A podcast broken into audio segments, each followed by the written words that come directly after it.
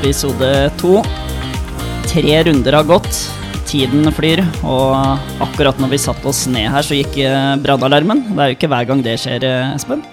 Nei, altså både vi to, eh, gjesten, men også dømmingen har jo vært on fire den siste tiden, så nei. Uh, Ja, det er mye som har skjedd. Det er, det er, det er jo det. Og så er det jo Du har vært en tur i Portugal. Vi vil gjerne høre litt rundt det. Og så kom vi ikke utenom eh, VAR, selvfølgelig. Og så touche litt innom eh, VG-artikkel. Det var en stor sak i VG siste uke, der eh, du eh, forklarte litt om eh, hverdagen til en fotballdommer, men fokuset gjaldt egentlig dommere i bredden og sjikane og sånne ting. Så jeg tenker at eh, det er nok å snakke om, men vi har en gjest i studio, som du sa, Espen. Eh, Ja, endelig. Eh, Vi startet jo første episode med å, å eh, egentlig tømme oss for det vi hadde på, på hjertet. Og så, selv om vi har klart å skape nok overskrifter selv, så tenker jeg at det var på sin plass at vi endelig fikk invitert inn noen som kunne assistere oss. eh, Og da er det med glede at vi kan ønske Emil Gukild velkommen. Tusen hjertelig takk. Tusen hjertelig takk. Veldig hyggelig å være her. Gleder meg til å høre mer om hvordan dere tenker.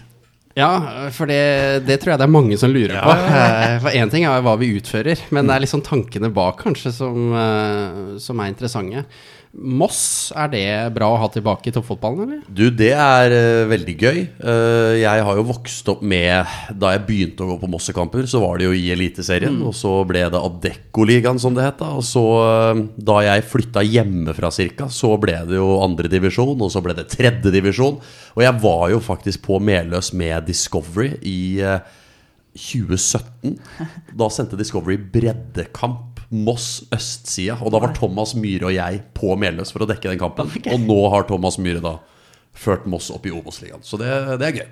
Det er en bra story. Ja, jeg har jo gode minner selv, jeg, fra, fra Meløs. Eh, Jeg hadde vel en av mine første fjerdedommeroppdrag da Samme. i, i Adeccoligaen eh, på Meløs. Og så har jo Ola og jeg en felles bekjent som garantert du kjenner til òg, Hjelmen. Eh, som eh, eh, Det er vanskelig å eh, Altså, han er jo en dommer. eh, Ja, han er det. Jeg har blitt dømt av eh, Hjelmen. Ja. Eh, Hjelmen, for de som ikke vet det, er jo da supporterleder i Kråkevingen, som er supporterklubben til Moss. Og han står jo da med en sånn slags byggmester Bob-hjelm eh, på sidelinja. Og før fikk han stå på Meløy, så er det jo friidrettsbane, så før fikk han stå på det tartandekket og være en slags eh, sangleder. Men det ser jeg, det får han ikke lov til nå lenger. Han, han gjør det i hvert fall ikke.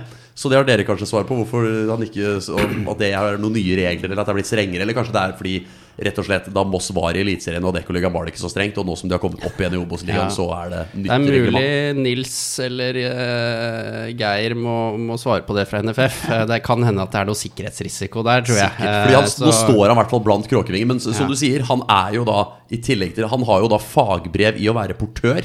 Ja, riktig. Den som frakter folk rundt på Ja, ja, ja. sykehus. Jobber på Sykehuset Østfold, Kalnes.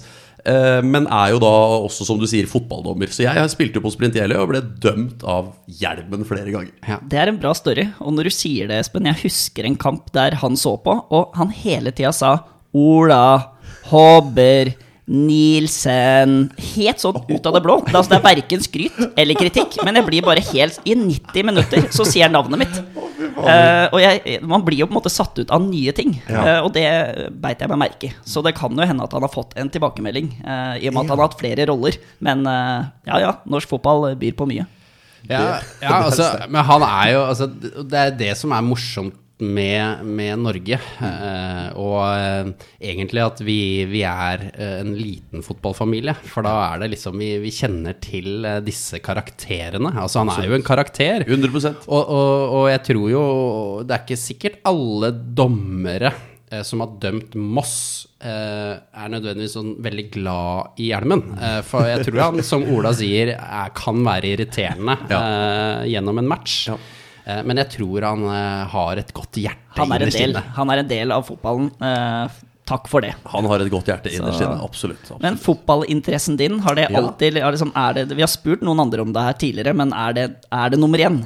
Ja, altså fotball er definitivt nummer én idretten i min bok. Ja. Selv om jeg er heldig å få jobbe med langrenn og skiskyting og sjakk og andre ting i NRK, så syns jeg jo det er jo en grunn til at uh, fotball er verdens mest populære idrett. Og det, jeg kan kjenne meg igjen i grunnene til det, for det er jo noe med at du vet nøyaktig hva du får. Ja. Uh, så jeg uh, definitivt nummer én på lista. Mm. Ja. Har du noen gang skadet noen når du har spilt fotball? Oi, nei, det har jeg faktisk ikke gjort, altså. Sånn, I hvert fall ikke sånn uh, det, Jeg kan ikke huske at jeg har skadet noen sånn at de måtte ut. Og jeg kan heller ikke Nei, så nei, det tror jeg ikke, altså. Nei, ikke noe i forbindelse med sjakk eller eh, Jo! Der, ja, det var den du ville på. Ja, ja det har jeg gjort. Det, det har jeg gjort. Den hadde jeg glemt, faktisk. Ja, nei, jeg eh, var jo på eh, sjakk-VM i London i 2018. Og da hadde jeg vært på sjakk-VM i New York to år tidligere og spilt litt basket og sånn med Magnus Carlsen og liksom teamet hans.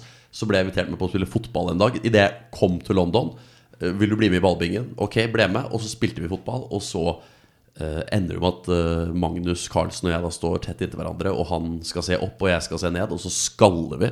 Så øh, ja. Og da, da var det jo panikk. Da jeg, du hørte jo på reaksjonene rundt at oi, dette er farlig. Ja. Så da gjorde jeg jo som sikkert dere opplever at noen spillere gjør hvis de skjønner at de har driti seg ut. Bare legg meg ned. Det var egentlig oppfølgingsspørsmålet. Ja. Fordi jeg tror jeg bare hadde blitt Jeg hadde i hvert fall jeg hadde vært mer skada enn Magnus. Ja. Det hadde vært min strategi. Ja, nei, så jeg la meg ned. uh, fordi jeg skjønte at Først var det litt sånn så litt stjerner. Legger, Hører lyd, tenker ok, shit, jeg må legge meg ned her.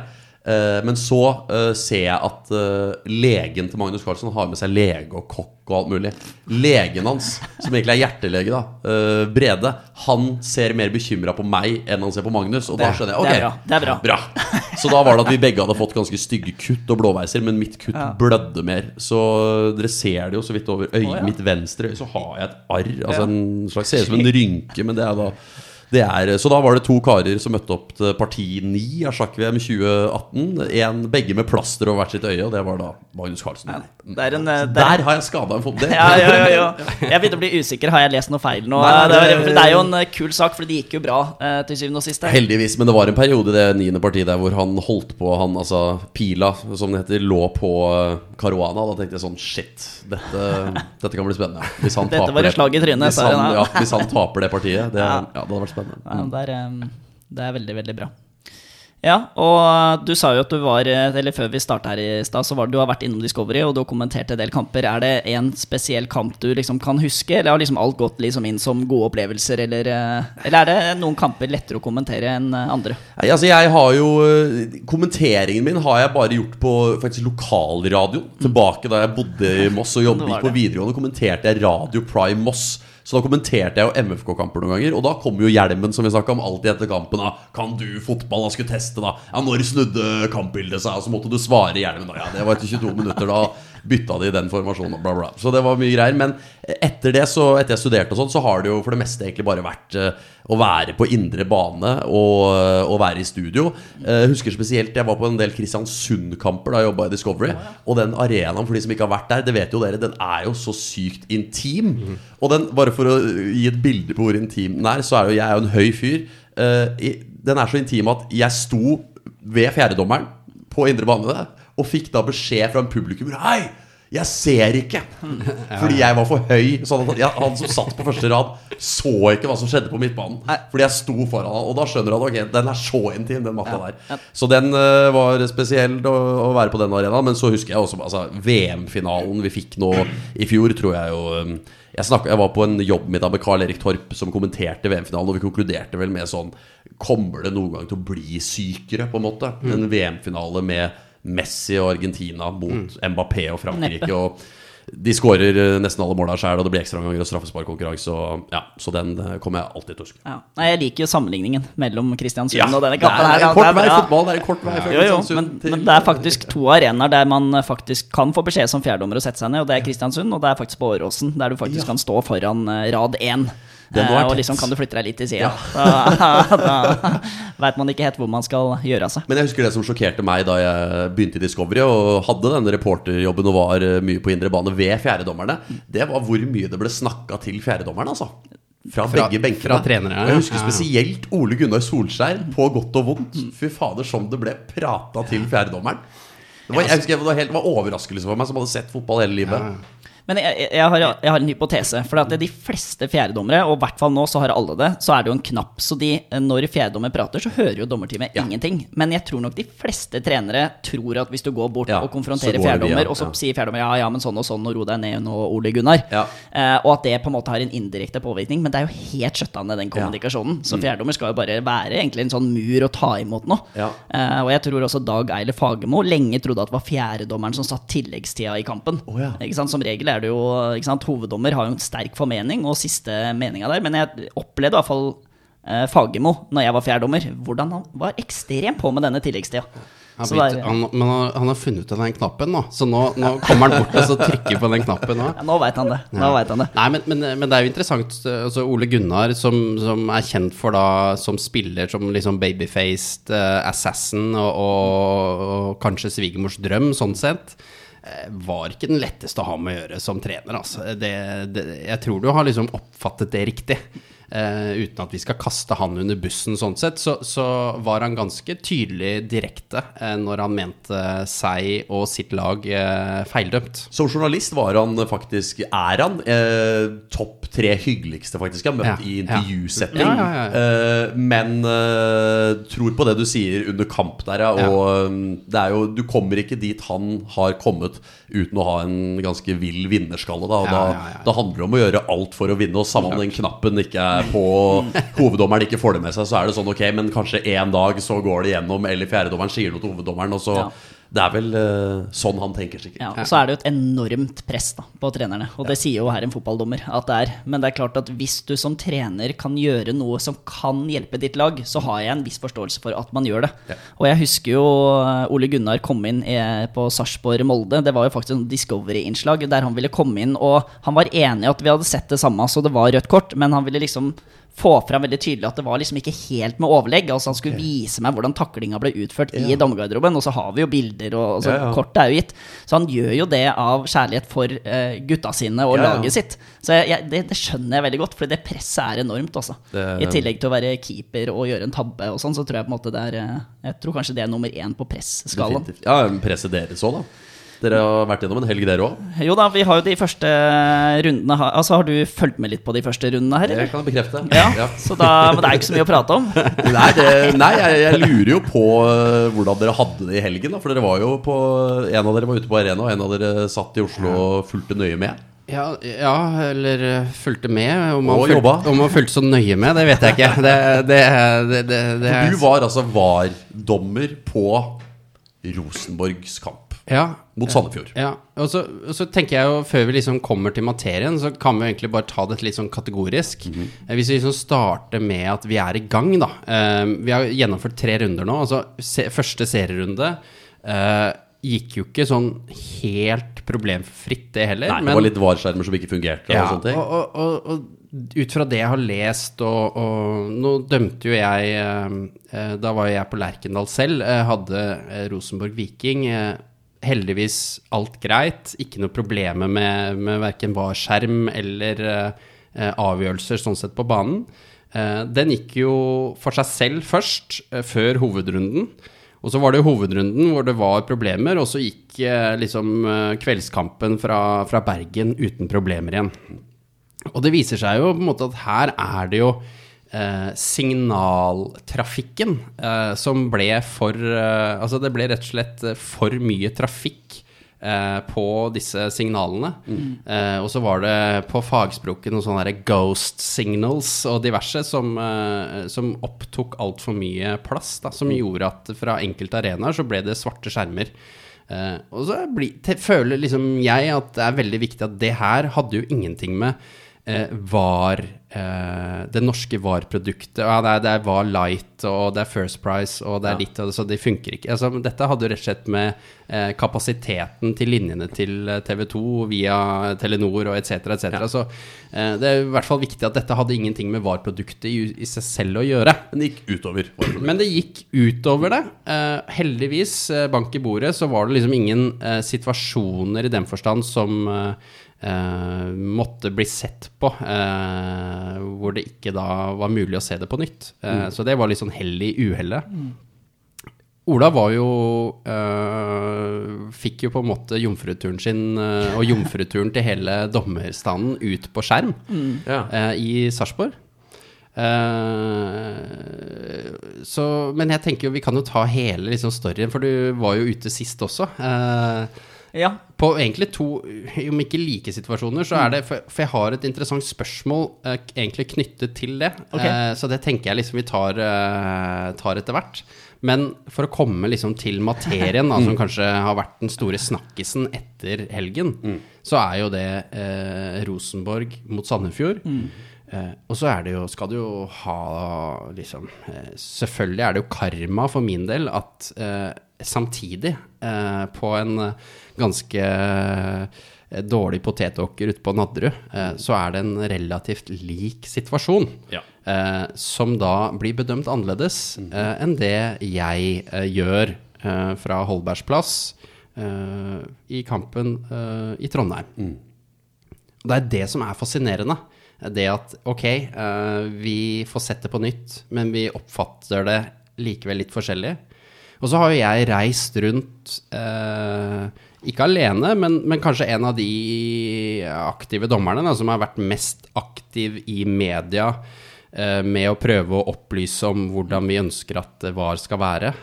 Jeg har jo på en måte ringt rundt til Sotomayor og hørt hvor høyt han hoppa. Ja, det var 2,45, ikke sant? så da setter vi jo den der line of intervention der oppe. Eh, kanskje har eh, jeg personlig eh, latt meg påvirke av at den lista for eh, hva vi skal gripe inn på, eh, er så skyhøy. Jeg vet ikke, kanskje ubevisst.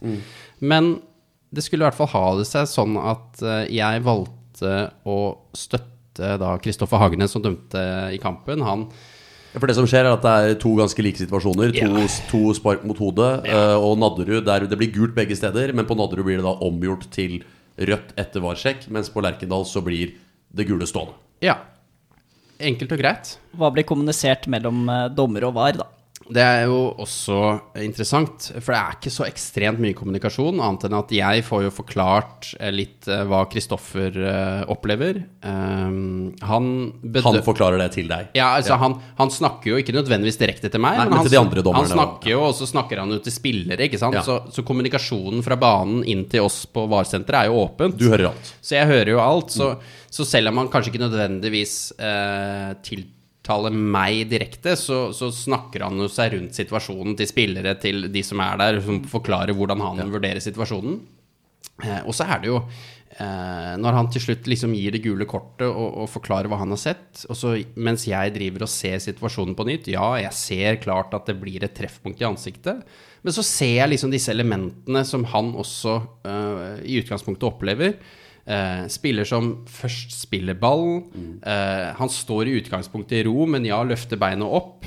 Eh, og når kontakten oppstår, så trekker han foten litt til seg. Eh, det var liksom elementer jeg der og da tenkte at ja, vet du hva. Eh, jeg synes personlig det er et rødt kort. Eh, det gjør jeg. Det mente du der og da Ja, allerede? ja, ja. ja. Eh, 100 Og så er det jo dette at Men for at jeg skal gripe inn ved når Kristoffer gir et gult kort, så skal det jo være sånn at jeg skal mene det er åpenbart feil å gi gult i situasjonen. Men er ikke 100 er ikke det nok, da? Eh, jo, det er det, da. Ja. Dette er Eh, interessant.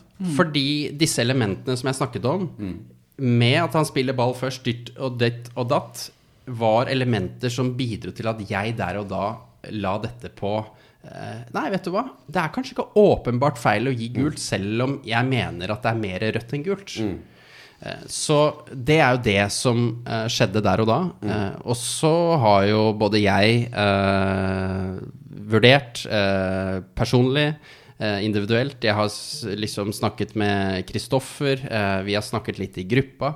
Og så er jo egentlig alle enige om at eh, når du har et tydelig bilde da, eh, på at du har en støvel som eh, plantes, eh, om det er i hodet eller i ansiktet, eh, har egentlig ikke så mye å si. Eh, om man spiller ballen først, har jo ikke så fryktelig mye å si. Eh, om man trekker beinet litt til seg, om det er eh, Henriksen som er den som eh, eh, har farten inn i situasjonen, har jo ikke så mye å si. Eh, bildet i seg selv taler jo for at vi alle er enige om at det er et rødt kort, og vi skulle hatt VAR-inngripen. Ja, og så tenker jeg at Hvis du hadde satt dette et annet sted på banen Nå er det mer en straffevurdering, og det er en holding. Dommeren blåser, og så ser man på reprisen at 'oi, denne her var soft'. Det er jo ikke nok for å gripe inn og si at dette er feil. Så vi kan være enige om konklusjonen, og det er nok der mange blir litt forvirra av VAR også. Fordi at det er jo ikke den optimale avgjørelsen som skal finnes, men den, den grove, åpenbare feilen. Det er sikkert lett å misforstå, ja. Ja, se der. Men angrer du på at du ikke sa fra, da? Ja, altså, angre er jo uh, Hadde, hva, hvis, er du, hvis, du kunne gjort, hvis du kunne Det gjort det om igjen journalist. Ja, ja, Hvis du kunne gjort det om igjen Ja, nå var det journalisten Ja, nå- jeg ja. Ja, ja, ja. Hvis du kunne gjort det om igjen Hadde jeg sittet om igjen, Ja. så, så hadde jeg jo grepet inn. Ja. Eh, Men, men angre Altså, jeg, jeg gjorde jo det jeg mente var rett ut fra de eh, tankene og ideene om line of intervention mm. jeg hadde Mm. Ja. eh, for meg Og der line og of intervention er altså hva dere skal gripe inn på. Ja, og, og på en måte Hvilken list som er lagt Hvilken- for å gripe inn. hvilken- Ja, hva, hvor er terskelen på hva som skal anses som åpenbart feil eller ikke? Ja. Fordi f det at, det at eh, det er et feil idømt kort, eller feil idømt frispark, er ikke seg selv åpenbart feil. Ja. Eh, så det er jo det som er vanskelig i vurdering. Men det er jo da det er interessant å diskutere og drøfte etterpå da eh, Fordi feil skjer jo hele tida, det Mm, vet jo vi alle. Og i hvert fall dere som er, har en jobb som er altså, så, det er så nådeløst av hva folk syns og mener. Eh, men da er det jo interessant å drøfte etterpå. Ok, var det du som da gjorde en feil, eller er det at lista er lagt for høyt for å gripe inn? Eller altså, Det er jo artig Ja, å tenke på det nå, Og det er jo en kombinasjon, da. Altså Først og fremst så er det jo jeg som gjør en feil. Eh, og om listen er feil i seg selv, eh, det vet jeg jo ikke, fordi den er jo litt eh, Selv om vi som gruppe har snakket om at vi skal ha høy list, så er det jo til syvende og sist Ola som må eh, tolke ja, men sånn Ola som dommer da må tolke hvor den lista ligger. Jeg som dommer må tolke den, hvor den lista Ja. ligger. Så, så selv om vi er enige om en høy list, så er det jo For Ola så kan det være da 2,45, men for meg så er det 2,60. Ja. Eh, og Så det er jo der kanskje feilen ligger. Ja. At, at, eh, at vi må liksom også individuelt justere oss litt ut fra hva som er forventningene. Og det skjer hver mandag nå, så, så har vi en debrief, og så Ja. begynner vi å diskutere noen situasjoner. Det med alle dommerne som har dømt den helgen, eller? Ja, og da er man innom alle, med mindre ikke det skjedde noen ting i kampene. Ja. Eh, og da er det jo to ting man vurderer. Nå skal vi se på en situasjon. Mener dere at det er gult eller rødt? Mm. Eh, og så stiller man spørsmålet er dette noe VAR skal gripe inn på, uavhengig av konklusjonen på nummer én. For å få en felles forståelse og liste. Helt riktig, på hvor man skal gripe inn. Og denne, holdt på å si dessverre, vil jo også justere seg i løpet av året, basert på liksom hva er det fotballen forventer, hva er det dommerne evaluerer, hva er det Uefa sier, hva er de nye liksom, retningslinjene. Så det eh, jeg vil jo egentlig si man må jo ha litt grann tålmodighet. fordi at Ja, ja. når vi nå starter neste runde igjen, så er jo det basert på de erfaringene vi har hatt nå. Og man ser på andre land der man har starta litt sånn konservativt og høylist, og så har man åpna opp, og så griper man inn på alt. Mm. Og så mener jo egentlig alle at la hoveddommeren få lov å dømme kampen, Ja. med mindre ikke det er graverende ting, slik at vi fortsatt kan ha holde på å si, disse gode diskusjonene etter kampen, og Mm. på en måte er hoveddommeren som er sjefen. Eller skal VAR begynne å gripe inn på det meste, så vi får liksom optimale kamper og mye stopp i spillet. Så på en måte her, det er en ganske sånn store fotballspørsmål, da. Veldig.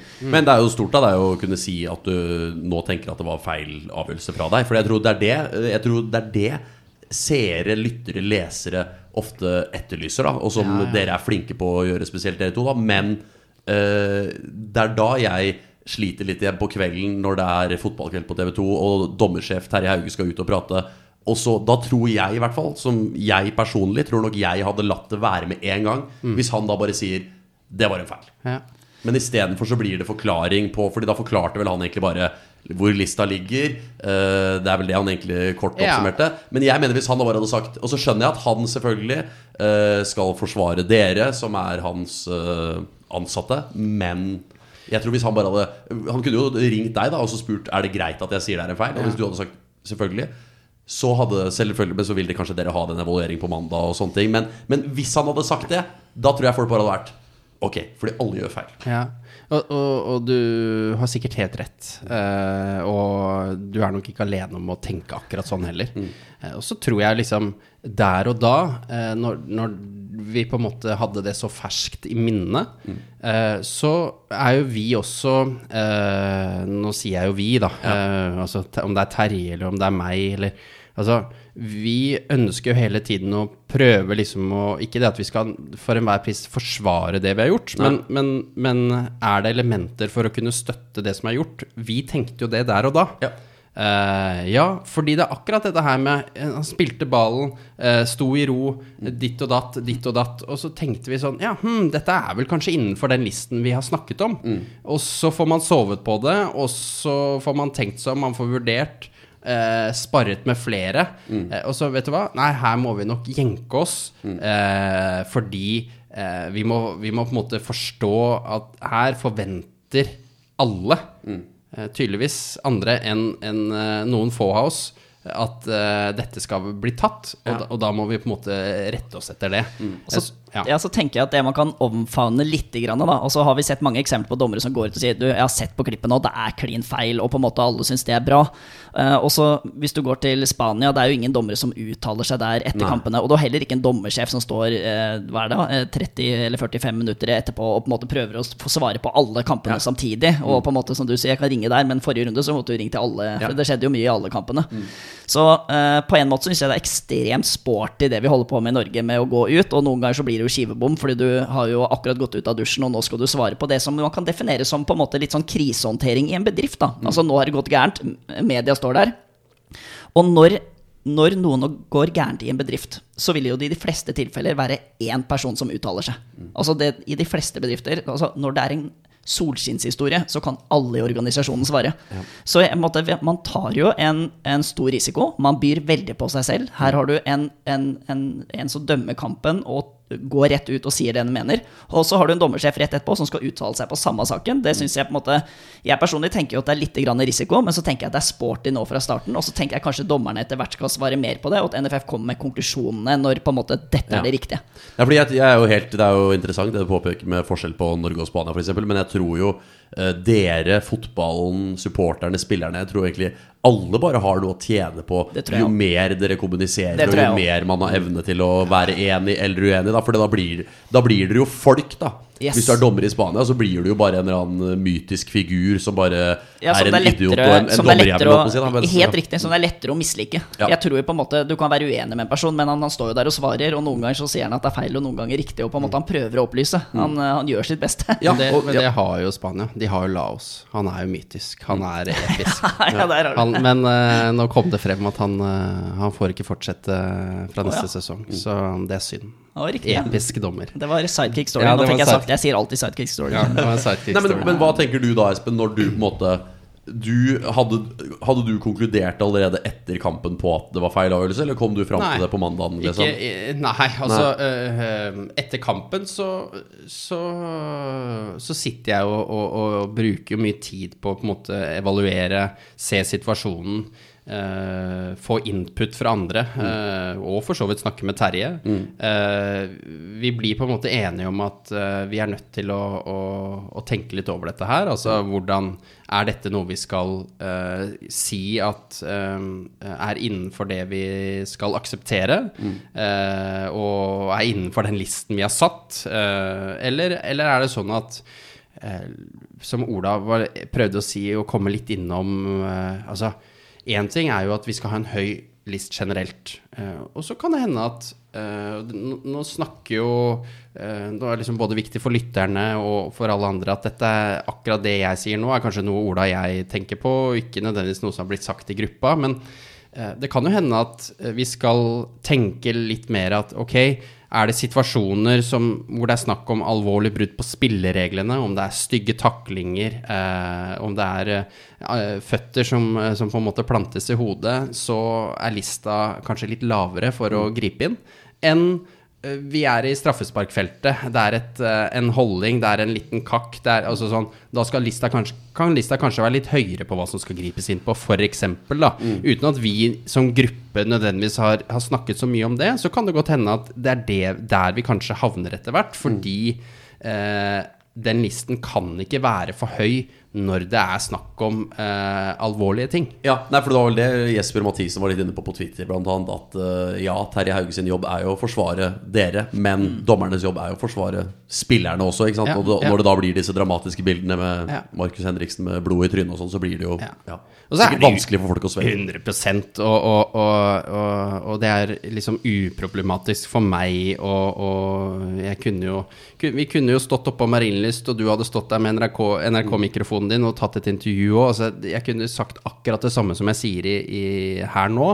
Eh, men eh, jeg tror jo eh, vi må rett og slett bare erfare. Eh, Vi må få noen situasjoner som, som vi eh, forhåpentligvis treffer på, da, men som, som er vanskelige, som vi som gruppe liksom ikke har opplevd før. Én ting er jo når vi har trent og øvd på dette her, så, så er det situasjoner vi har vært igjennom, men, men det er liksom ikke alt vi har erfart enda. Eh, Så eh, vi, vi må rett og slett la det liksom få gå seg litt til. Men, men jeg synes jo helt personlig, da, selv om nå var det jeg som eh, gjorde en feil nå sist, eh, som på en måte var den eh, mest eh, åpenbare situasjonen, så, så synes jeg jo at VAR har kommet ok i gang. Eh, og det mener jeg helt, Det eh, Det helt oppriktig. Eh, det har vært mye mindre styr og føss enn det vi kanskje så for oss. Eh, og at vi må få noen situasjoner som på en måte går akkurat utenfor og akkurat kanskje innenfor. At vi, vi vil sikkert oppleve også situasjoner hvor vi blir enige etter kamp at oi, her burde vi kanskje ikke grepet inn. Eh, nå har vi gått for langt ned med lista. Altså dette blir for soft. Altså nå, nå må dommerne få lov til å dømme. Så, så de situasjonene vil også komme. Så, så, men men jo, jo flere runder vi kommer igjennom, jo på en måte mer trygg blir og solid blir den eh, lista. da. Men det er jo også veldig interessant eh, Dere har jo begge dømt massevis av kamper og er jo vant til det å være på arena og eh, møte media etterpå, møte trenere, møte spillere etterpå, prate og kommunisere og eh, erkjenne feil eller diskutere, eller samme om Solskjær kommer inn i garderoben eller hva det er som skjer. Men hvordan var det da å ha en sånn første VAR-helg hvor noe gikk eh, litt feil vei, og det blir medietrykk, og hvordan var den opplevelsen sammenlignet med å være på en arena hvor du mer kan møte folk ansikt til ansikt og, og snakke om det? Ja, det er et veldig godt spørsmål, faktisk. Ja. Eh, og um, godt poeng med at når du kanskje kan liksom bare face det med en gang, så er du nødt til også å komme med en kanskje mye tydeligere konklusjon, da. Eh, nå, Ja, Så kan man jo kommunisere, da. Snakke. ja, ja, ja, og sparre litt, sånn sett. Men eh, nå er det jo er det sånn at jeg hadde jo kommunikasjon med med Kristoffer, som var dommer på kampen, og, og, og vi i gruppa har jo blitt enige om at det er hoveddommer som på en måte er ansiktet utad til teamet. Eh, han som skal uttale seg om situasjoner, både på en måte det han har dømt på banen, men også ut fra det som har blitt gjort fra VAR-rommet, da.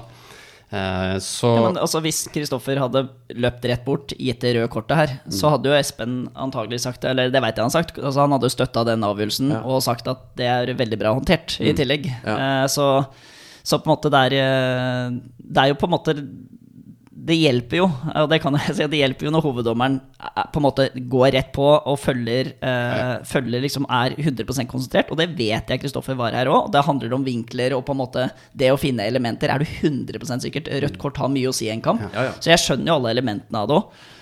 og jeg eh, Ja, for, først, ja, for det er det som er brutalt egentlig her, da. Det er jo eh, Her er det jo to feil. Først så gjør dommer feil på banen, og så gjør jeg feil etterpå. Mm. men når jeg får muligheten til å se det i reprise flere ganger, så blir på en måte feilen mer graverende. Du har jo på en måte tilgang på alle kameraer Ja, og tempo og alt. Og så, så er liksom forskjellen fra eh, mannen i stua som har de samme eh, vinklene, er at han sitter med ølen og har hvilepuls. Eh, jeg eh, sitter med litt høyere puls og eh, er nok eh, litt mer eh, Kanskje litt overskjerpet da, i, i situasjonen. eh, uten at jeg tror det i seg selv eh, påvirker denne situasjonen. Da. Men det er jo likevel Ja, jeg har vinklene. Ja, jeg har reprisene. Eh, men men jeg, det, er, eh, det er et press å sitte der, altså. Ja, ja, og det kan jeg bekrefte. For jeg var jo var for deg i en kamp der òg, Espen. Herregud, det er så mye vi Ja, kunne, det må vi også- det må vi også kunne prate om. Men jeg må jo si det at hvis, eh, hvis du er var for meg, Emil, eh, og jeg har en situasjon som jeg veldig tydelig er sånn Ja, ja, men det er det og det, han detter lett, og det er, det er ikke nok eh, fart og kraft, og, ikke sant? og du sitter jo og ser førsteinnskytelsen er jo, men, men du hører hva jeg sier, og du skjønner elementene. Så det at hoveddommer har en sterk formening, eller for å si det annerledes, jeg har ikke en sterk formening. Jeg sier Emil, ser du en kontakt der, så vil jeg ut på skjermen og se på. Det er jeg som hoveddommer som bestiller. Du skal betale rentene for å ha sendt meg ut. Fordi når jeg først kommer ut, så vet vi alle sammen, 95% av gangene, noe sånn. Så, så blir jo da en avgjørelse snudd, da, med mindre ikke det er noen vurdering om offside, kanskje, der, det er, der hoveddommer må ta en vurdering. Så det, det, det er på en måte at det vil være, også i fremtiden, like situasjoner i to forskjellige arenaer. Men det er ikke nødvendigvis at det er VAR som sitter der sin skyld, men at det er hoveddommer som kanskje bestiller eller stiller noen spørsmål. Men så har man, dere har jo mellomvalget, på en måte, hvis jeg kan kalle det det. Det er sikkert ikke det dere kaller det. Men altså, fordi alternativene dine i den Markus Henriksen-situasjonen er jo A, som skjer, da, på en måte godkjenne det gule kortet og la det gå videre. Eller så er det jo B, si dette mener jeg er rødt kort. Eller så er det vel C, bare jeg syns du skal gå bort og se. Ja, og den, den er, ja, og den er interessant. for at, eh, og og det, er, det leder til en sånn enorm lang eh, debatt vi kunne hatt Ja. i forhold til liksom hva er det norsk fotball ønsker, og litt sånn hvis VAR først tar noen ut, så ligger det jo en stor forventning om at noe skal skje, og Ja. så skal dommer Ja snu ja, seg og si det skjer ikke noe, og da vil mange spørre seg ok, nå ble Espen kasta under bussen her, for nå, nå ble ikke det fulgt opp, så det skjer noe internt i dommermiljøet òg, ikke sant? Okay. Ja, jo, jo, men Nei, for de som ser, tenker De gangene det blir varsjekk og det ikke blir noe, så tenker ikke jeg eh, nå Dere tenker jo det sikkert, men jeg, da tenker ikke jeg å, nå ble VAR-dommeren kasta under bussen. Da tenker jeg bare oi, Og det, spennende, var er et, og det leder egentlig til et viktig poeng jeg egentlig har her. Fordi jeg hadde jo da den første VAR-situasjonen Eller ikke VAR-situasjonen, det var mange VAR-situasjoner, men jeg har den første on-field review, altså OFR, som man sier forkortelse, der, eh, der det er en takling på midtbanen. Uh, der jeg ser at en spillet kommer litt grann sen, så jeg tenker Dette er nå, altså, Lillestrøm-Molde? Ja, ja, nei, det var første ja. serierunde. Eh, og der jeg blåser frispark og tenker her, er det, her gir jeg gullkortet. kort. Og det, jeg blåser to ganger i fløyta, ber spillerne om å komme, og det er nok protester på det gule kortet. Eh, og, og dette er jo nytt for meg, selvfølgelig. Vi har jo hatt én testkamp, og da tror jeg ikke jeg ga noen kort engang. Eh, og Bodø-Glimt er veldig klar på at de vil sette i gang. De vil ha høyt tempo i kampen, så det, det laget som på en måte nå er taklet, de ønsker å igangsette spillet. Så jeg er litt sånn, nei, men vent litt, grann. jeg har hørt at de kanskje vurderer et rødkort. Jeg trodde de fleipa, jeg. Ja. Ikke sant? Så nå må jeg liksom, ok, så nå bare vent litt. Grann. Heldigvis så brukte han litt tid på å reise seg, han spilleren. Ja. Så jeg kunne sagt bare bruk litt tid nå. Det, Ja, ja. ser litt alvorlig ut. uh, så, så når han kom seg opp, så tenkte jeg nei, nei, kom igjen. Bare si 'decision confirmed', og så setter vi i gang spillet her. Og så kan det heller være en liten debatt om det var kanskje et eh, oransje eller noe sånt. Og så får jeg beskjed om å gå ut, og da tenker jeg ok, nå må du gå inn til uh, fake it to make it-modus. For dette er. Dette er jo noe som er nytt. Så Ja. det er helt åpenbart at du kan jo ikke trives i denne situasjonen her. Men, nei. Og begynner å vise firkanttegn og jogger ut. Og jeg ser liksom flere av disse mediene ta fram kamera, for Ja, nå skal de filme. Og liksom, det er jo sirkus. Eh, men, uh, uh, Og så ser jeg da et stilbilde når jeg kommer bort der. Og, så ser jeg at nå, og da ser jeg på stilbildet at hvis jeg skal dømme basert på dette stilbildet, og det er selvfølgelig veldig skummelt, det vet vi alle, det har vi diskutert mye i dommermiljøet, at stilbildet ser jo veldig ille ut. Eh, ja, ref på Lerkendal, holdt på å si, så liksom livebildet ser Oi, det var lite grann, men, men reprisen viser på en måte ting mye sterkere. Men da ble jeg sånn Ok, nå skal jeg i hvert fall gjøre en riktig avgjørelse her, mistenker jeg. Og så begynte de å vise det her litt sånn i slow motion. Jeg ba om noen nye klipp, og så viste de det live. Og da sa jeg ok, eh, dette er rødt kort. Ja. Eh, og og det, jeg tenkte jo at dette ville overraske mange, for det Ja. var jo ingen på stadion, bortelag. ingen Han som var takla, han var litt sånn ja, det var litt vondt, men jeg er klar igjen. Eh, Så jeg tenkte her må vi bare eh, kjøre på, eh, og viste fram med det gule, ga det røde, og så sa jeg bare det er det klareste rødkortet jeg har sett noen gang. Oi, oi. Eh, du melder det men, til ja, jo, jo, men jeg, jeg, jeg, jeg, melder jo inn fordi at du også skal kunne selge inn dette her. Ja, ja. Eh, og, og sannheten er at det er et soleklart rødt kort. Så om det er det klareste eller Nei, nei. det det nest klareste, er jo på en måte da er Interessant liksom, Interessant grep. Men da er det for å roe ned spillerne og få dem til å ikke klage, da? Ja, eller også om, om man på en måte sier dette er soleklart. For det du formidler, det, det, det, det fungerer. Eh, Det fungerer når du har en god dialog med spillerne og faktisk er litt ærlig gjennom en kamp. Og det er mulig jeg bomma på den Ja. og den der. Og når du gir den rød, den viktigste avgjørelsen i kampen, så må du kunne si at dette er klart. Ja. Dette syns jeg er soleklart. Ja. Så når jeg legger all ære til side, så er jeg veldig fornøyd med dette her. Altså at Ja. jeg gjør en feil. Altså, jeg, jeg, jeg, I fjor hadde jeg dømt denne kampen, og så hadde det vært kanskje, og det, det sier kanskje, og dette leder til en enda større debatt, fordi at det er ikke sikkert det hadde blitt så mye styr om jeg bare hadde gitt dette gule kortet. Eh, fordi ref, når vi hopper nå til Lillestrøm-kampen, så er jo kommentaren til ekspertkommentatorene under kampen Ola benytter fordelsparagrafen, gir gul kort, meget bra dømt. Ok, kan fotball leve bra med, med, med meget bra dømt, Ja. bruke fordelsparagrafen, spilleren ligger der litt, men kommer seg sannelig opp igjen. Eh, Så er spørsmålet, og det er det ingen som vet, hadde dette blitt liksom Se på denne taklinga på Åråsen, og se på denne hodetaklinga på Lerkendal, men denne på Nadderud blir gitt. Altså, det, det leder jo til en del interessante spørsmål som vi har i dommermiljøet. Hvor er line of intervention? Altså, kunne vi levd med? Kan det forsvares? Mm, eh, den i Sarpsborg er nok ganske klar, i mine øyne. Men det er også dommere som diskuterer kunne vi latt denne gå. Og være enige om at det er rødt kort, men det er ikke alvorlig feil ord, da. Um, og, og på søndagens kamp, som, eh, der jeg også ser bildene, og det er klart det er masse hjemler for å gi det røde kortet der, og jeg legger jo merke til at med en gang du gir et rødt kort, og det er for å beskytte spillerne, så virker det som for meg at det er stor aksept for det. På banen. Utafor banen, Ja. på banen, mediene. Jeg har ikke ett spørsmål fra noe som helst medie i Norge og sier er du sikker på det? Nei. Fordi at når, når bildene er så klare, og da skal man jo velge de bildene som selger, og argumentet er beskytte spillerne, det er jo ikke én negativ ting. Det er vanskelig å argumentere mot det. Ja, det er jo det. Men, men vi må likevel ha en veldig viktig diskusjon i dommermiljøet, er hvem dømmer kampen? Fordi at eh, jeg har jo også noen sånne topp tre dommertabber. Så er jeg en gullfisk, så jeg husker bare én av de sikkert. Men poenget er at de må vi ta som var. Ja. For det, det, det var det var bare meg i hele verden som ikke klarte å få det med meg. Men, men det finnes kanskje, kanskje det finnes noen som uh, vurderer situasjonen annerledes. At det er mer debatt. Men interessant det med det du også var inne på, Espen, med VAR. med at Man, man sitter og ser der, og man kanskje er litt overskjerpa, da. Sammenligna med de som sitter i sofaen. Er det, og dette er bare åpent eh, Ikke et åpent spørsmål, men jeg lurer på det, da. Om det er Ja, men er det en fare for at når man sitter og er så Dere kan jo regelverket ut og inn. Dere vet nøyaktig når dere skal gripe inn. Hva som Ok, er det i fart? Er det på ball? Er det, altså, dere har jo tusen regler når dere snakker med hverandre. Og liksom, dere har jo et helt eget språk. Eh, er det en fare for, sånn som med Henriksens situasjon, f.eks., at dere er så på liksom Som argumentene du sier du hadde i hodet da, men liksom ok, der han trekker foten litt tilbake, eh, er på ballen først. Disse greiene at Mens sammenligna med sofasupporteren som bare ser en uh, tidligere landslagsspiller som blør i trynet Altså at det på en måte At man, nei, men at man er så uh, god, da, i gåstein, og så proff, at man uh, på en måte glemmer litt det, det som faktisk skjer her. På en måte Skjønner litt hva jeg mener? Ja, det tror jeg Ja. kan, kan være. Eh, helt klart. Eh, samtidig så, så tror jeg liksom for min del at det handlet eh, vel så mye om at du Du blir for søkende etter formildende omstendigheter.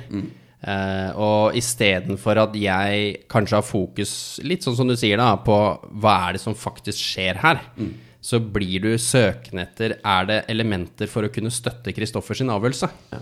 Eh, og det er kanskje feil eh, inngang noen ganger. Eh, ja, vi ønsker jo som dommer å, å kunne støtte de avgjørelsene som blir tatt. Eh, all den tid på en måte det er elementer for å kunne forsvare de avgjørelsene som blir tatt på banen. Men den eh, prosessen da må jo liksom ikke overskygge det som faktisk skjer. Så vi, vi må liksom ikke bli eh, Roboter, på en måte. Nei, og heller kanskje motsatt fall. Altså bli for kollegiale i den forstand at vi for, gud, altså for død og liv da, eh, skal eh, støtte eh, alle avgjørelser som blir tatt. Kjempeinteressant. Det er det. Det er veldig bra.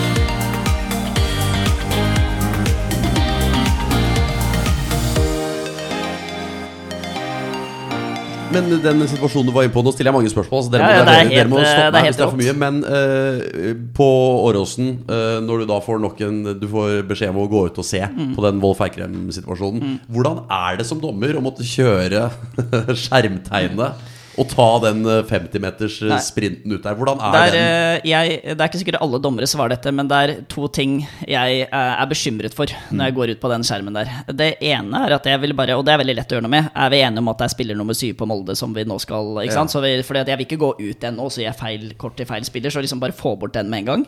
Og Ok, så da sier du det til VAR? da, er det mens jeg, ja, leder, da kan jo også stentdommer eller fjerdommer, Jeg håper de kan melde noe her i denne kampen. Ikke Ja. sant? Så, det er, eh, så det, det, jeg driter i hvem som svarer, men noen svarer. Ja.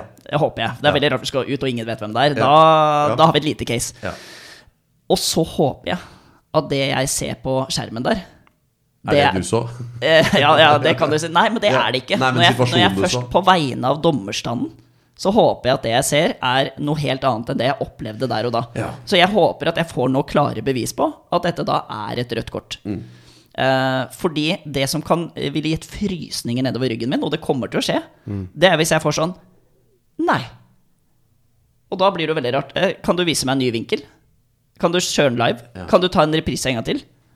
Og, så, og, det, jeg, og dette er sånn jeg ville gjort det, og så kan Uefa si hva de vil, Espen. Men jeg, hvis du hadde vært var der, så hadde jeg sagt Espen, jeg kommer til å stå på avgjørelsen min. Mm. Det øyeblikket vil komme akkurat når du melder den, og så vil Espen svare Det er helt fint, Ola, det er din avgjørelse. Det kommer til å gå bra. Lykke til. Altså, sånn, det er jo et absurd øyeblikk. Det er, det, ingen kan Mm. si noe annet at det er absurd. Så skal jeg gå ut der. Det, er helt stille, det var helt stille på Åråsen når jeg kjørte denne Ja, ja. Og så skal jeg si vi bare setter i gang. Ja. Det blir corner. Ja. Altså, jeg, jeg er bare spent på liksom jeg, Og det veit vi jo ikke. Tror du ikke. det bare blir way? Altså, liksom. Ja, det, det tviler jeg på akkurat Ja, der. eller eh, det buing var jo en og eh, alt ettersom hvem som uh... Ja, og så har jo på en måte Åråsen og Lillestrøm litt anstrengt forhold til VAR. ja, Det er vel flere supportergrupper som har det. Ja, altså, så når jeg, ga jeg lurte, rødt, jeg lurte på når jeg ga rødt kort til en Ja. Molde-spiller, så ropte jo hele stadion eh, negative ting mot NFF og VAR. Oh, ja. På tross av Men selv om det var på en måte mye hoiing, selvfølgelig Ja, selvfølgelig. lett for dem å gjøre, da. Når det er eh, liksom i sympati med Molde, liksom. Jo, jo, jo, jo, jo, helt klart, men det, men det var det som skjedde. Så jeg tenkte jo at når det var gjort, så er jo min fordømte plikt, og det er lett for meg å si nå som man har blitt mye mer rutinert, det er på en måte å prøve å nullstille og bare gønne på videre i kampen. Ja. For jeg kan jo fortsatt få en feedback på at du har dømt en veldig god kamp, Mm. eh, og at du har hatt kontroll, og at du har vist ro, eh, og at du har hatt god kommunikasjon med spillerne, og så har du gjort en feil, og det kan jeg leve med. Eh, Så, så jeg føler Fordi jeg fikk en telefon fra en dommerkollega som sa Ola, nå syns jeg synd på deg. Nå har du vært tatt ut to ganger på sida der og liksom måtte gjøre om avgjørelsen din. Og da skjønner jeg ja, jo, Veldig men, interessant at det er sånn dere tenker. Jo, men, ja, men, men ikke sant? vi dommere vi ønsker jo å dømme gode og perfekte Ja, ja. kamper. Og hvis du ser bort fra VAR, så Ja. da hadde du ikke noe hjelpemiddel. Nei. Så det ligger jo på en måte i genene våre.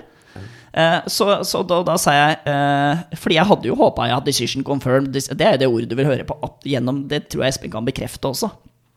Men eh, da sa jeg hvis du legger den lille æra, og noen har sikkert stor ære, men jeg, jeg har ikke så stor ære Hvis du legger den til sida, så er jeg veldig fornøyd med at vi kan gå av kampen, og ingen har noen kommentarer til dommerteamet. Ja. Fordi vi har gjort liksom riktig og vi har beskytta spillerne. Og så, det, og så hadde jeg ikke håpa at det hadde vært mange flere inngrip. Altså fem ganger måtte Ola ut på skjermen.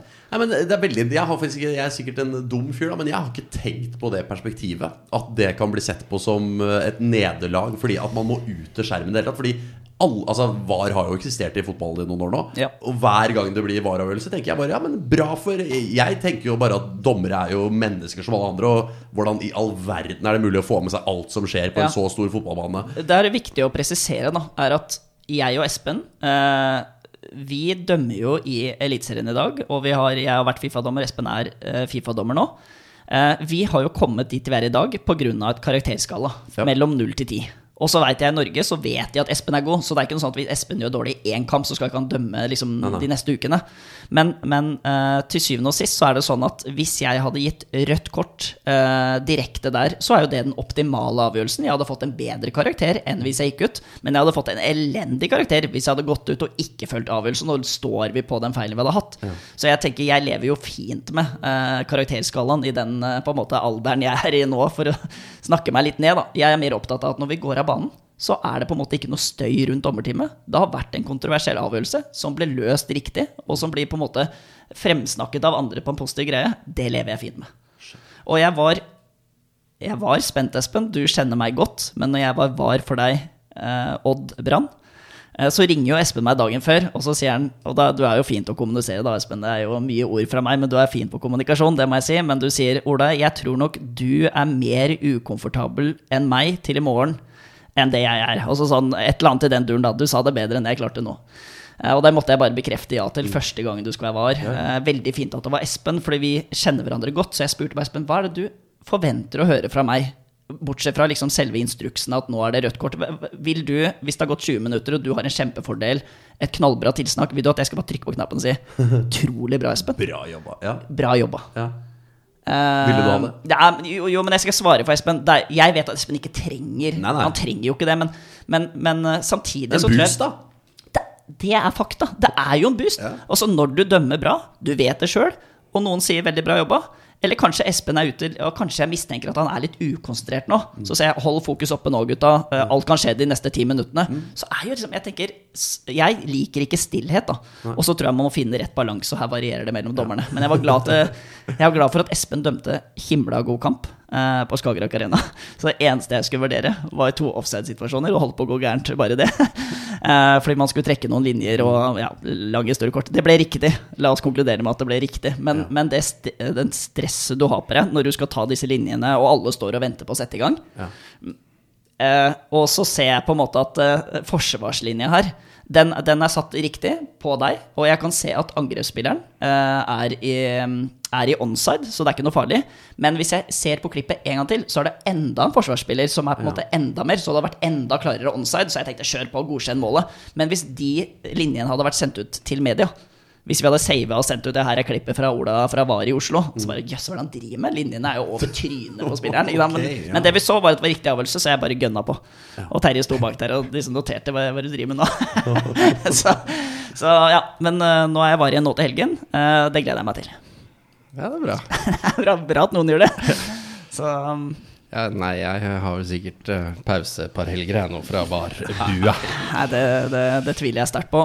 Uh, Espen, kan jeg stille et uh, direkte spørsmål? Nå var du var. eh, fikk du noen tekstmeldinger eller noen henvendelser etter kampen av uønsket art? Eh, jeg fikk én tekstmelding. Ja, ja, da er vi akkurat like langt, da. Eller vi er like gode etter denne helgen her. Men det er jo det er ikke verst. Men har dere åpne numre, eller? Ja. Ja. Ja, altså Fordi jeg, dere må pga. jobb, eller fordi det Eh, ja. Ja. altså jeg, jeg har valgt egentlig eh, Jeg har tenkt det med telefonnummer. Jeg, jeg ser egentlig ingen grunn til at det skal ligge helt åpent. Nei. Jeg husker jeg var sånn dommerkontakt på Nordstrand, eh, og de liksom sa her er dommerkontakt Ola Håber Nilsen, her er telefonnummeret. Det, det er liksom dumt, for da får du liksom Da får du fem til ti henvendelser etter en kamp der det har vært en sånn 50-50. Hvis ikke nummeret er der, så får du null på SMS. Eller kanskje en som kanskje har funnet det. Eh, Så det er nok mer liksom Facebook Messenger. Det er det meste dritt Altså generelt Facebook altså De fleste nettroll i Norge og verden må jo være på Facebook av sosiale medier. Kan ikke skjønne noe annet. Uh, og der hadde jeg jo et år jeg bare bytta til Ola HN, fordi alle søker Ola HO. Ja, de fant jo tvillingbroren min, så han fikk jo gjennomgå litt. Han, han heter jo. Espen, riktignok, men de søkte Hobber Nilsen. Men, uh, men, men i år har jeg ikke gjort det, for jeg, jeg, jeg driter i det. Men hva, hva slags melding er det dere fikk etter helga, da? Kosemeldinger?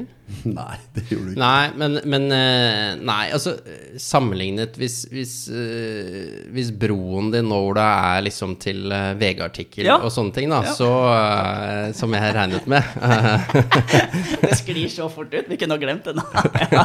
så, eh, så var faktisk denne meldingen her litt mer sånn Det var litt mer tekst og, og undring for hvorfor eh, man i huleste ikke klarte å, å gjøre en eh, riktig avgjørelse, enn at eh, du var en møkkamann. For denne VG-artikkelen, det var eh, en VG-artikkel hvor du snakket litt om det å få stygge meldinger. Ja, eh, noe jeg tror vi alle i, eh, i Jeg vil jo anta, Emil, at du også får Ja. ditt av meldinger etter sendinger og sånne ting, av folk som Det skje, eh, påstår eh, det ene og det andre. Så, så, så jeg tenker jo ikke at vi dommere i fotballen er noe mer krenket eh, nødvendigvis enn andre. Mm. Eh, men for min del så handlet jo dette først og fremst om at jeg tror eh, når, når det tilsynelatende er ganske fritt frem å ytre seg, eh, være seg på Twitter, eh, på en måte offentlig og bare kaste det ut der, enn eh, å sende det direkte til deg på Messenger eller SMS, eh, på Instagram for den saks skyld, så eh, når det på en måte er rett frem å gjøre det mot oss i toppfotballen, så, så legitimerer det at eh, vi som eh, funksjon, dommeren som funksjon, er en funksjon det er lov å harselere med. Ja. Eh, og det går utover breddefotballen. Det går utover eh, våre unge, flotte, fantastiske dommertalenter eh, som vi trenger for å fylle på eh, i toppfotballen på sikt òg. Eh, så det er klart, vi sliter skikkelig med et rekrutteringsproblem. Eh, og jeg tror eh, og vet at mye av grunnen til det er akkurat dette her med hets, som de unge dommerne og breddedommerne får etter kamper de dømmer på Ekebergsletta. Ja, det er de det er synd på. De har jo ikke noen måte å forsvare seg på. De er alene. Eh, Det er klokka ni på Ekebergsletta, som du sier. Eh, Og jeg tror nok de er også redd. Altså, de er redd for at det kan skje noe fysisk. Og det tror jeg du legger til et element som på en måte gjør det mer, eh, mer alvorlig. Så, men jeg tror du fikk ganske bra respons på Ja, ja veldig bra. Og, og, og, og så var det på en måte et par av meldingene som på en måte eh, var gjenstand fra noen kamper jeg dømte internasjonalt òg, som på en måte ikke sånn sett eh, hadde noe med Eliteserien å gjøre, da. Men, men eh, så, så det er jo ikke det at det er noe verre i Norge enn en, en andre steder. Nei. Men, men Nei, heller tvert om, kanskje. Ja, enkelte Ja, det kommer litt an på hvor du er. eh, Ja, men, jeg mener den kampen din i Hellas, så var det vel sant, det å bli kontakta etter kampen med beskjed om at du er tragisk og det er dårlig dømt. Men hvis du blir kontakta før kampen, Ja da. da legger du nok et annet element av press. Hvis det er sånn Ja, 'velkommen hit' og 'håper det går bra' og 'håper du vet hva du gjør' og sånne ting. Så jeg, jeg tror kanskje det er et annet element. Ja, ja, ja 100, 100 Men, men eh, det er i hvert fall hovedbudskapet Det var jo egentlig for å prøve å kanskje eh, sette et litt sånn eh, fokus på at dette er Vi er mennesker, vi òg. de som jeg, jeg tror jo hvis jeg eh, ved å, å, å gå ut der eh, treffer eh, fem til ti stykker, så har jeg følt at jeg har eh, nådd frem med, med et budskap, jeg også. Eh, så vil vi aldri få bukt for problemet, for, for det, er, det er bare sånn det er. Noen er bare idioter. Mm. og, og fotballsupportere er kanskje verste sorten, sånn sett. Jo da. Nei, Her hadde jeg da, Det var 23. april, så det er vel søndag. Dere får rette meg. Så det var 20.03. Kampen starta 1915. Så det er uh... Ja, det er rett etter det røde kortet, da. Det er rett etter uh, ja, så det er pausen, det. Uh, Det er pausen, ja. Kanskje jeg leste denne pausen rett før jeg gikk ut. Det er, Ja. det er bra melding. Spennende. Nei, det, altså, det er ikke så ille. Ryk og reis, ekstremt dårlig dømming. Norske dommere ødelegger norsk fotball og norsk serie. Én ting er å gjøre feil uten var, men når dere får se situasjonen så mange ganger dere vil, og likevel tar så ekstremt feil avgjørelser, da ødelegger dere fotballen og hele serien. Jeg slutter å se fotball fra nå av pga. norske Oi. dommere. Dere avgjør kamper og ikke spillerne. Så Oi. sorry til uh, Han slutta, da. ja, han har slutta, så Han sorry til. TV 2-satsinga, for Ja, de har mista en, eh, en som ikke ser fotball lenger, da. Men, sånn. men det var ikke, det var ikke altså, tror, det- men det der er jo sånn typisk, da. Nå Molde har gjort det fantastisk dårlig. Uh, altså det er, jo, det er jo ja, ingen som hadde turt å tippe det. Eh, at de skulle være der de er i dag. Og det er klart, for supporterne nå så griper de jo fast i alt de kan gripe fast i som ikke har noe med lag å gjøre. Eh, og da er det jo dommeravgjørelser som er eh, det mest nærliggende å ta tak i. Eh, og selv de klareste situasjoner blir på en måte som da går mot laget, blir feil. Eh, Så, altså, meldingen jeg fikk var jo 'Hvorfor får ikke Ottosson på Sandefjord rødt kort?' spørsmålstegn. Eh, valid spørsmål. Eh, Krygård på Haugesund fikk rødt kort i en identisk situasjon i dag. Helt riktig. Eh, og så starter på en måte moroa, da. Eh, og det er ikke det at det blir så stygt, men er fordi Foreløpig kunne det vært Jesper Mathisen, på en måte. ja, ja, på mange måter. Eh, Men så. det er vel Rosenborg-komplekset slash hatet som slår inn igjen. De skal faen ikke få noe gratis, for de har vunnet så mye. Ja. Anførselstegn. VAR er en bra ting, men de som sitter bak, er like dårlige når de er på F-banen. Ja, et eller annet sånt noe. Ja. Så, så det var ikke Ja, fotballbanen, sikkert. Eh, så det var liksom ikke så ille. Nei. men eh, like mye Det er jo med sånn frustrasjonsmelding, dette her, da. ja, Så, så den er grei. den er Den grei. er grei, Den er ikke grei hvis det er i bredden, tenker jeg. Men eh, ja. Det er interessant. Interessant å gå inn i innboksene der. Men eh, ja, sånn er det. Men, men veldig bra respons. Uh, I utgangspunktet bare uh, positiv uh, feedback. Og så får vi bare se, da. Om man har nådd hjem til noen eller ikke. Og så vet jeg på en måte at dette er jo et problem i idretten generelt, i samfunnet generelt. Du, ja, igjen, du kjenner, har jo kjent på det selv, Emil. Som en person som er i, i, i søkelyset, da, så er det jo noen som alltid vil være uenig i det du gjør, sier. Ja, det er egentlig spørsmålet Hvordan du ter deg eller kler deg. Du må jo ha fått noen som irettesetter altså ord, uttrykk, eh, dialekt altså, altså, hva er det Jeg har fått eh, masse, men bare mest bare på trynet mitt, ja. Er det? Mest bare, ja, mest bare på trynet mitt. Ja. Mens at jeg er dratetryne. Og det har ikke vært så mye sånn 'det var feil', eller eh, 'hvorfor' Eller for all del, det kan godt være at eh, jo, det har nok skjedd at jeg har sagt eh, noe om et lag eller altså et eller annet, og så har noen vært sinte fordi sånn, liksom, Ja. de sier at man er supporter og sånn, eller man mener jeg gjør en dårlig jobb. Men eh, det har vært mest bare på trynet mitt. Ja. Okay, det, Det det, er det, altså. Det er konkret, det kan du jobbe med. Det kan, nei, det får. Men det er jo En ting er jo supportere, seere, eh, folk som bryr seg sånn sett. Men du uttalte vel også i den VG-artikkelen om det Fagermo hadde sagt, gjorde du ikke det? Nei, eh, jeg uttalte meg ikke om det. Det var vel det at Fagermo ble sitert på noe Ja. han hadde sagt, eh, knyttet til dette her, da. Eh, så det var bare noe som ble tatt til i tillegg til eh, min, på en måte, mitt intervju. Så, så det visste ikke jeg at skulle med engang. Men, Nei. men, Ja, For det var med i artikkelen, ja. ja. Nei, jeg, jeg tenkte vel mer at jeg syns det ofte er sånn at du har klubbledere, eh, trenere, spillere for den saks skyld, som spillere og trenere uttaler seg ofte rett etter kamp. Eh, det er klart, eh, i kampens hete så, så er det mye følelser, og, og det, det er forståelig at noen ganger så kan det gå litt for varmt, og så Eh, får de pusta litt, får dusja litt kanskje, og så er kanskje tonen noe annerledes. Eh, men det at klubbledere òg, som er aktive på, på sosiale medier, ytrer seg om, om enkeltdommere, dommersituasjoner, eh, bør også tenke seg litt om, synes jeg. Da, for det er med på å legitimere at eh, dommeren skal på en måte tas. Eh, og ja, toppfotballen, så, så, så må vi kanskje akseptere eh, mye. Men når, når folk leser og ser at det er sånn vi kan kommentere dommeren, så blir det tatt ned i breddefotballen. Og det er ødeleggende. Og det er det som på en måte jeg vil litt til livs. da. Ja, nei, jeg vet ikke. Det, det skjedde jo noe når man, eh, når man ble pappa selv, da. Men det er klart, jeg, jeg følger jo med på en del yngre dommere som har spurt kan jeg komme og se på. Og jeg har stått der, og jeg ser hvor mye det betyr for dem.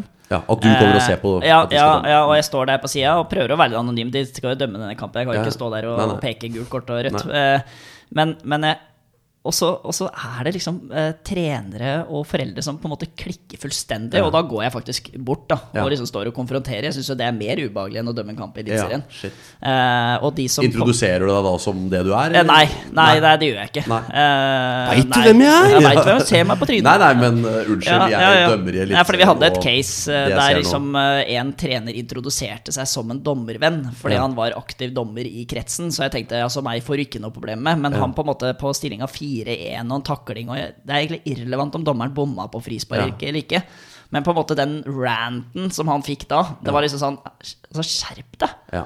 Altså, hva er det du driver med? Og så ser du liksom han, Og så nå blir jo han lille guttungen shake utpå der som Ja, dømmer denne kampen. da Eh, og det, det provoserer meg kraftig. Og spesielt når du fikk denne liksom pappagenet i tillegg. For det Mm. er jo noen sin sønn ikke sant? som står der og blir pissa på av Mm. en voksen mann eller dame. Så jeg bare kjenner at det, ja, man blir bare mer engasjert nå nå Ja, ja. før. da Nei, fordi det, det er jo interessant det dere sier om at eh, det kan skje at hvis eh, voksne i toppfotballen uttaler seg på en måte, så kan det gå nedover. Men da, hvordan oppleves det da det at Fagermo da sitter Fordi jeg, jo etter kamp, men han satt jo da i et NRK-intervju, garderobeprat, og sier at uh, hva er en brannfakkel, liksom, og det er at dommerstanden er den svakeste leddet i norsk fotball.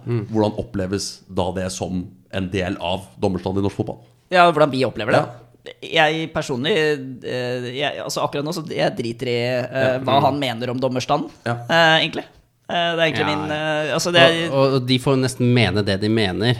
Og, og så er jo til syvende og sist det viktigste for alle at uh, man bare har fokus på seg selv, tenker jeg. Eh, det har i hvert fall vi dommerne, først og fremst. Uh, ja, vi forbereder oss til kamp og, og må jo forberede oss på de lagene vi skal dømme, men, men vi er jo først og fremst nødt til å ha fokus på vår egen prestasjon eh, for å gjøre den best mulig. Og så er det jo som med alt annet at ting går litt i, i bølger og daler, og plutselig så er det sesonger og perioder hvor norske lag gjør det veldig bra i Europa, så går det en periode hvor det er eh, mindre deltakelse i Europa igjen.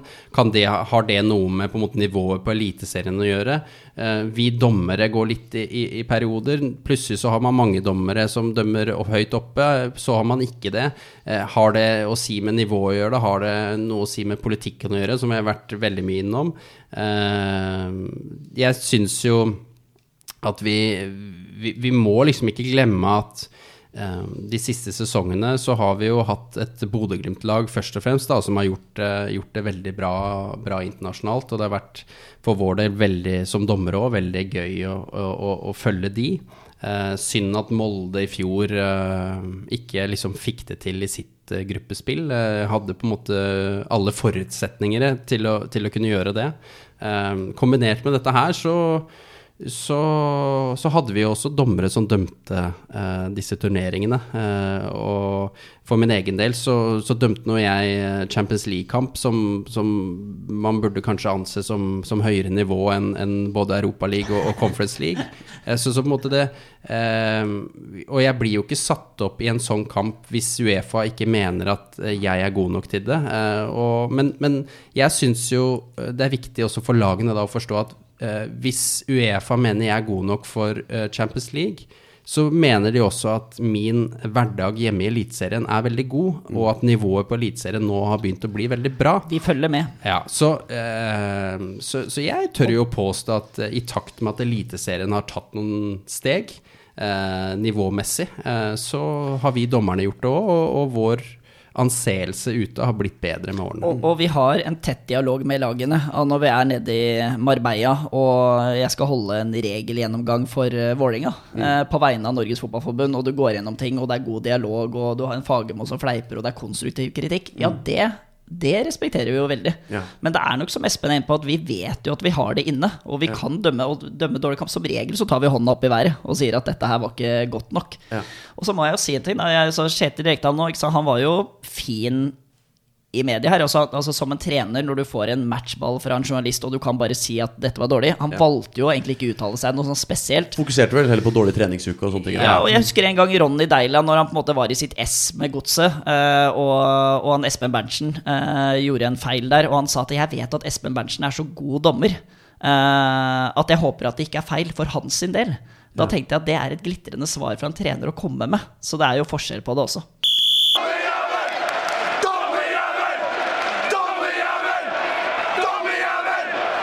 Jeg har et spørsmål til dere som jeg har tenkt på i alle år, og som det garantert finnes gode svar på. Og, altså, jeg har jo ikke spilt fotball på toppnivå, men jeg jobba jo tett med Christian Gauseth, som dere sikkert kjenner på godt og vondt eh, fra dømminga deres. Eh, og han snakka jo om hvor bevisst han snakket med dommere fra første spark på ballen. Og da er jo mitt spørsmål, som jeg alltid kan sitte og frustrere meg over, samme om jeg ser på VM, Champions League eller Eliteserien eller Obos-ligaen Hvorfor kan alle spillerne på banen snakke med dommeren? Hvorfor er det ikke bare kapteinen som kan snakke med dommeren? For det er jo, uh, apropos det vi har vært innom store deler av podkasten, signaler som sendes nedover. Når det står ti spillere rundt en dommer og klager og skriker og roper, da er det jo ikke rart at det samme skjer i tredje klasse på Nordstrand barneskole også. Altså jeg bare synes det er For meg er det helt fascinerende. Og så kjøper jeg jo argumentet med at det må være kommunikasjon, men da kan det jo være at det er Eh, hvis, er, hvis, du som spiller føler deg veldig urettferdig behandla, si det til kapteinen din, så kan kapteinen din ta det videre. Eller hvis du som dommer lurer på noe, så kan du selvfølgelig åpne samtalen, og da kan det være kommunikasjon. Men at det skal komme 20 spillere løpende, og så er det vel blitt strengere på det det siste. At hvis du løper fra den ene enden av banen til den andre for å klage, da blir det fort et gult kort. Men dere skjønner hva jeg mener. Det er mitt lange ja. spørsmål. Jo, jo, jo. Og, og det enkle svaret er jo at hvis Uefa nå hadde hatt et prosjekt satt inn veldig klart og tydelig at i Champions League så gjør vi det sånn, så hadde vi gjort det i morgen. Ja. Um, og jeg er helt enig i at det ser, det ser overhodet ikke bra ut. Mm. Og jeg skal jo innrømme at når en spiller kommer til meg, og han står med begge hendene i været, så sier jeg ta ned hendene, si hva du vil. Ja. Uh, fordi det har noe med bildene som sendes ut. Mm. Uh, og så har jo Uefa på en måte strammet inn det vi kaller mobbing av dommeren. Altså, altså, det kan også være en bevisst uttaling av tid. Altså det at man liksom, Det er egentlig ikke dommeren gjort noe gærent, men nå løper vi ti stykker mot dommeren, ja. uh, og han står der. Og da skal jo han egentlig bare ta og løfte det gule kortet. Ja. Eh, så, men det går nok litt for sakte, Mm. eh, dette her. Eh, fordi at jeg er jo enig. Her kan vi godt snakke om at det er meldinger og det er ting som blir sagt om dommeren, men det ser jo ikke bra ut i to ganger 45 minutter. Men så er det jo irriterende. Det blir jo bare mer ineffektivitet, og tida går, og altså Fryktelig irriterende. Eh, og, og jeg må jo si, nå har jeg dømt Gauseth ganske mange ganger oppover. Og jeg, ja, men jeg må jo si at jeg, jeg Han kunne sikkert være irriterende, men jeg syns ikke han var noen sånn versting heller. Nei, og Altså, han, han sa ikke at det var for å påvirke Nei, nei, nei. Det var bare mer for å ha kommunikasjon. Og så var jo han kaptein også. Ja, ja, og jeg- bare og jeg- ha kommunikasjon gående, da. Og det er kanskje sånn Espen og jeg er samstemt om. At jeg bare følte Hvis du var god til å kommunisere med han, så var jo han ganske lett å ha med å gjøre i Ja. kampene. Og han ja, han kunne fyre litt etter kampen, men da var jeg litt sånn overraska over ja, det var, Han, han virka jo ikke så engasjert under kampen, kanskje. Eh, Så jeg ser jo det at dagens dommere så krever det veldig mye at du er veldig god eh, til å kommunisere. At du er god på en måte det å ha liksom både være sint og glad og liksom ha mange forskjellige sinnsstemninger i en kamp, og være god på det. Men isolert sett, hvis vi hadde hatt det gode spørsmålet du har inne, nemlig at det er egentlig ingen som kommuniserer med dommerne Ja, du har en kaptein som kan komme bort tre ganger i løpet av en kamp, maks, fordi det, noen av de kapteinene er jo klin gærne i forhold til hvor mange ganger. Så hadde jo det selvfølgelig Så hadde jo det selvfølgelig hatt en effekt. Er du ikke enig, Espen? Jo. Eh, vi Det hadde er- det vært noe å tape på det? Hva, hva hadde man tatt altså, på det? Nei, det kan du si. Ehm, det hadde vært spennende å prøve ut. Eh, og så det største problemet som Ola er innom, er jo på en måte Vi kunne jo i Norge eh, sagt før sesongen at uh, fra sånn. i år så er det kun kapteiner som kan på en måte komme bort og, og diskutere eller, eller prate med dommeren. Jeg Men- dømte en utvekslingskamp i Sverige. Jeg vet ikke om dette blir fjerde eller femte divisjon, men ikke lavere enn femte. Jeg tipper fjerde, kanskje tredje divisjon. Altså Jeg skal over til Göteborg og dømme en kamp der mellom to lag, og ingen av de kunne prate med meg under kampen. Nei, Hvordan var det? Merkelig. kjedelig. Rart. Kjedelig, nei, men, men rart. rart. Altså De spillere som gikk til deg Altså Mindre ikke fordi jeg må knyte skolissa, Ja, ja. men hvis det var for å kverulere eller prate, skal ha gult kort. Punktum. Fordi, men eh, det kunne jo vært en ulempe for dere hvis bare Eliteserien hadde innført det. Da, for da kunne det vært at uh, Uefa hadde sett Å ja, men du, Ja, er, du er jo ikke vant til å Nei, og, og det er det som er poenget mitt. At dette må jo komme fra øverste hold. Ja. Altså IFAB, eh, som er eh, dette sammensuriet som, som lager eh, og bestemmer seg for regelendringer, Mm. må jo enes om at nå skal vi få bukt på det problemet. Og, og så må det drysse ned på Uefa og tas inn i deres retningslinjer, som gjør at vi også implementerer det her i Norge. Litt som man gjorde med VM, da gruppespilleren nå skal tilleggstid. Vi skal ikke kødde Ja. med tilleggstid her Ja. nå, liksom. Nå blir det tilleggstid, så var det 10-12 minutter der en Ja, nei, det, det var spesielt. Ja, det- vi ble, vi ble vant til det. Da prøvde de det. Ja, ja, ja. Men, og så spørsmål to. Um, hvorfor? Det er jo en regel. Men uh, disse seks sekundene keeperen skal ha ballen. Disse den- den har gått igjen. Ja, ja, ja, ja. Disse seks sekundene. Jeg spør igjen. Ja, ja, men jeg, jeg, jeg bare holder litt ved den der uh, protesteren. Fordi hvis vi hadde snikinnført denne regelen i Norge med at man ikke kan protestere på dommeren, og så kunne vi varslet Uefa og sagt se på Se norske på dommere, får jo aldri protester. Hæ? Aldri. Men det er, eh, det er fint. Nei, men det er jo sånn du keeper tar opp eh, ballen Tusen og én. Tusen Tusen og og en Ja, fordi Gauseth nok en gang Han sa at han pleide å gjøre å telle høyt. Ja, ja. Bare for å Ja, ja, ja, og publikum gjør jo det ofte. Ja. Og Nei, det er eh, Det skal jo sies, og jeg har ikke mange eksempler, men den regelboka den er faktisk ganske tjukk. Ja. Altså, men hvis jeg hadde liksom funnet ti spørsmål som jeg antar at du kan, Ja. eh, så hadde du sikkert svart feil på alle ti. ja. Eh, og dette er jo en regel som er, som Tom Henning Øvrebø sa for eh, i 19 pil og bue, så sa han dette er en sovende regel. Så det har jo på en måte vært lenge litt sånn hva, Det er noe rart med den regelen. Jeg tror drit i de seks sekundene. Endre nå seks sekunder til eh, 15, Ja. men da må det gjennomføres. Ja. Fordi seks sekunder er unormalt. Altså, jeg Men synes 15 er, er lenge nå. Ja, Si jo, jo, jo, men, jeg, ja, jo, jo, jo, men helt klart, Ja. si ti, Ja. og, så, og så gjør vi det. Og igjen så er det litt samme svaret, komme fra toppen, og så Ja. kjører vi på i et eh, VM eller EM eller prøve-EM eller så.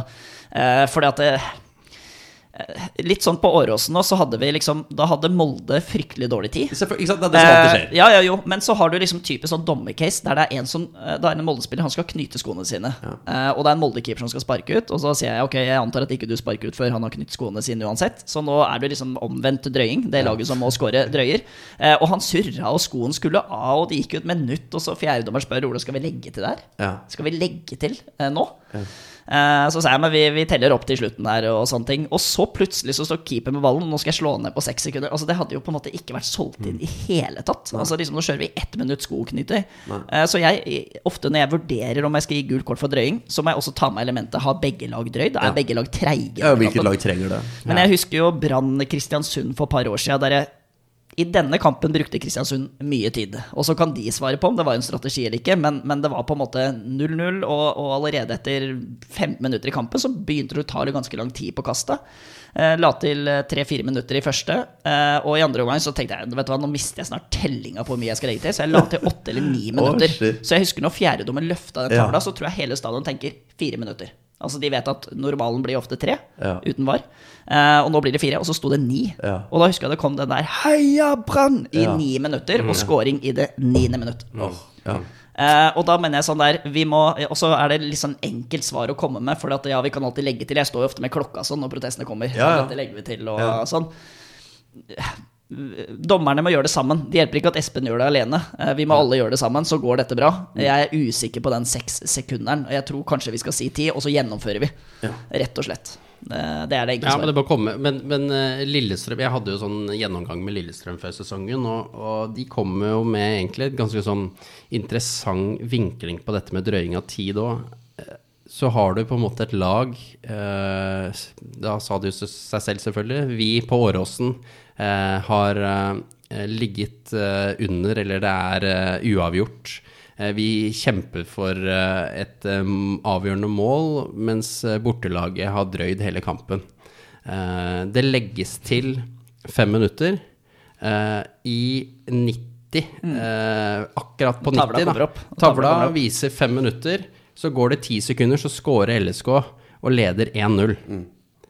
Da har plutselig motstanderlaget, som har drøyd hele kampen, har faktisk bonus eh, minutter å spille overtiden på for å kunne få en redusering. Da, og, så, faktisk en ganske sånn fin vinkling eh, på spørsmålet. Om det faktisk burde vært sånn at eh, hvis det, det laget som eh, For da har jo Det det, laget plutselig en fordel av å ha drøyd igjen. Kampen er ferdig. Ja, ja, ja, ja. Nei, men så bare, det nå kunne vært interessant å, å, å sette litt på. Men i dag så må vi spille de fem Ja, minuttene. den var fin. eh, Ja. fin. Den skal jeg ta med meg når jeg legger meg i dag. Ja. ja, men good. Tusen hjertelig takk. Takk skal dere ha. eh, Veldig spennende og interessant. Og øh, takk for at jeg fikk komme. Ja, Vi vet jo at det er en travel hverdag, så eh, jeg mener jo utrolig hyggelig at du var her. Hva er det neste som kommer opp for din del nå? Du, jeg skal til Åråsen, jeg, med, Ja. med Espen. Ja, det blir gøy, da. Så Ja, da sier jeg er- lykke til. Nei, For Det er for å si det sånn, det er uten var. Lillestrøm-Bodø-Glimt semifinale i cupen, så Ja, det gleder jeg meg til. Det blir kjempebra. fantastisk. Lykke til til begge to. Tusen takk. Hva med deg? Hva er neste? Nei, jeg har fått karantene. Nei, nei, nei, jeg skal være var. Det er offisielt i dag. Ja. Eh, ja, Det er så typisk meg å si feil nå, men jeg tror det er Godset mot Tromsø. Men hver gang jeg sier kampen, så er det ja. Jeg, jeg vet jeg satt og så var. Ja. Gleder meg veldig. Ikke viktig hvilket lag jeg får, jeg skal møte forberedt uansett. Over og ut fra Oslo. Takk for nå.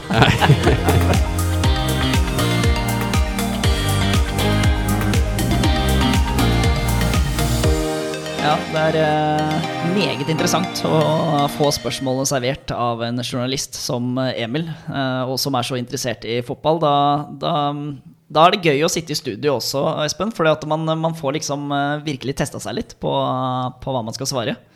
Ja. Og så eh, må jeg jo si en ting, da. Det er jo at uh, vi, vi dommere, vi er jo våre største kritikere. Altså, jeg vet jo at alle dommerne er ønsker å gjøre det best mulig på fotballbanen. Og vi stiller seg selv så mange kritiske spørsmål etter en kamp.